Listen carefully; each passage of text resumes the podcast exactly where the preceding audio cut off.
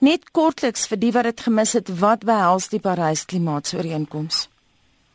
Ja, dit kom baie eh, dit kom kortliks op neer dat in uh, 2015 is daar 'n ooreenkoms geteken met uh, 195 uh, state. Ehm um, en die groot moondhede is almal daarbey betrokke gewees, Japan, uh China, India en so ook Amerika. En die uh, uh bedoeling was dat een, enerzijds dat 'n mens uh finansiële ondersteuning sal gee vir ontwikkelende state om hul ontbossing te voorkom, om die temperatuur met 2 grade te verlaag en dat 'n mens meer sal fokus op volhoubare ontwikkeling. Maar die groot probleem was veral dan die gasuitlate en dan ook die uh, gasuitlate en dan ook die finansiële ondersteuning. Ehm um, dit was vir die Amerikaners uh veral vir Trump 'n uh, 'n probleem gewees. Nee, hy's 'n verrassing sy aankondiging nie. Hy sing nou al die dingetjie van die voorverkiesing af.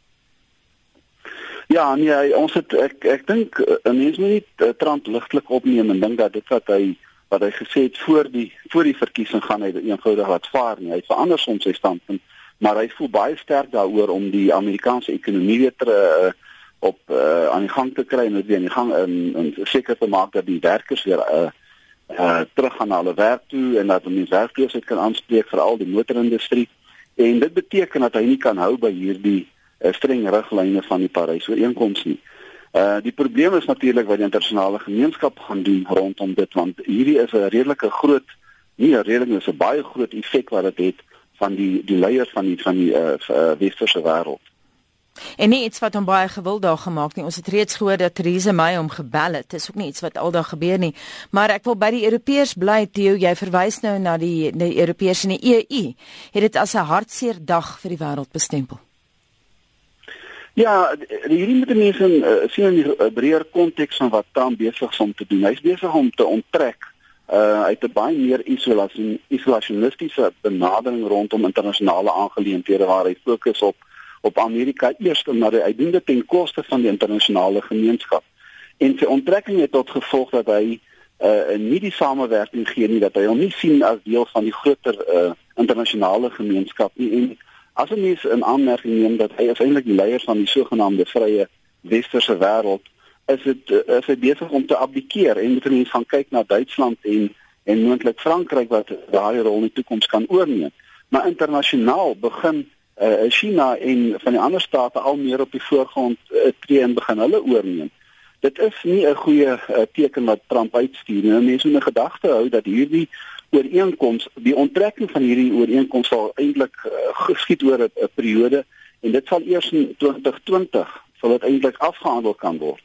En dit is toevallig dis is een dag nadat die nuwe president verkies gaan word. En mense moet sien of hmm. hy 'n tweede termyn sal kan oorleef maar Europa ehm um, sit sonder hulle sit sonder die leiding van die Amerikaners en ek dink dit is iets wat hulle sal moet moet besef. Die op 'n praktiese vlak, watter nut het dit dat 195, kom ons maak dit nou 194 lande die klimaatsooreenkoms steun en Amerika nie, want die land is die tweede grootste vrysteller van kweekhuisgasse. So wat help dit as die Amerikaners nie deel is van so 'n ooreenkoms nie? Wel ek dink wat wat mense in gedagte hou dit en dit is wat wat Japan en en Indië en veral China nou uh sal moet oor besluit gaan hulle hierdie gaan hulle dit verder ondersteun? Hulle het alreeds aangedui dat hulle is bereid om voort te gaan met hierdie met die Parys ooreenkoms so 'n mens skryf van van hulle kant af reeds 'n 'n positiewe teken maar dit beteken dat hulle die die rekening sal moet optel vir hierdie uh Parys uh ooreenkoms. En hulle sal nou die ontwikkelende state moet help as hulle daarmee wil voortgaan.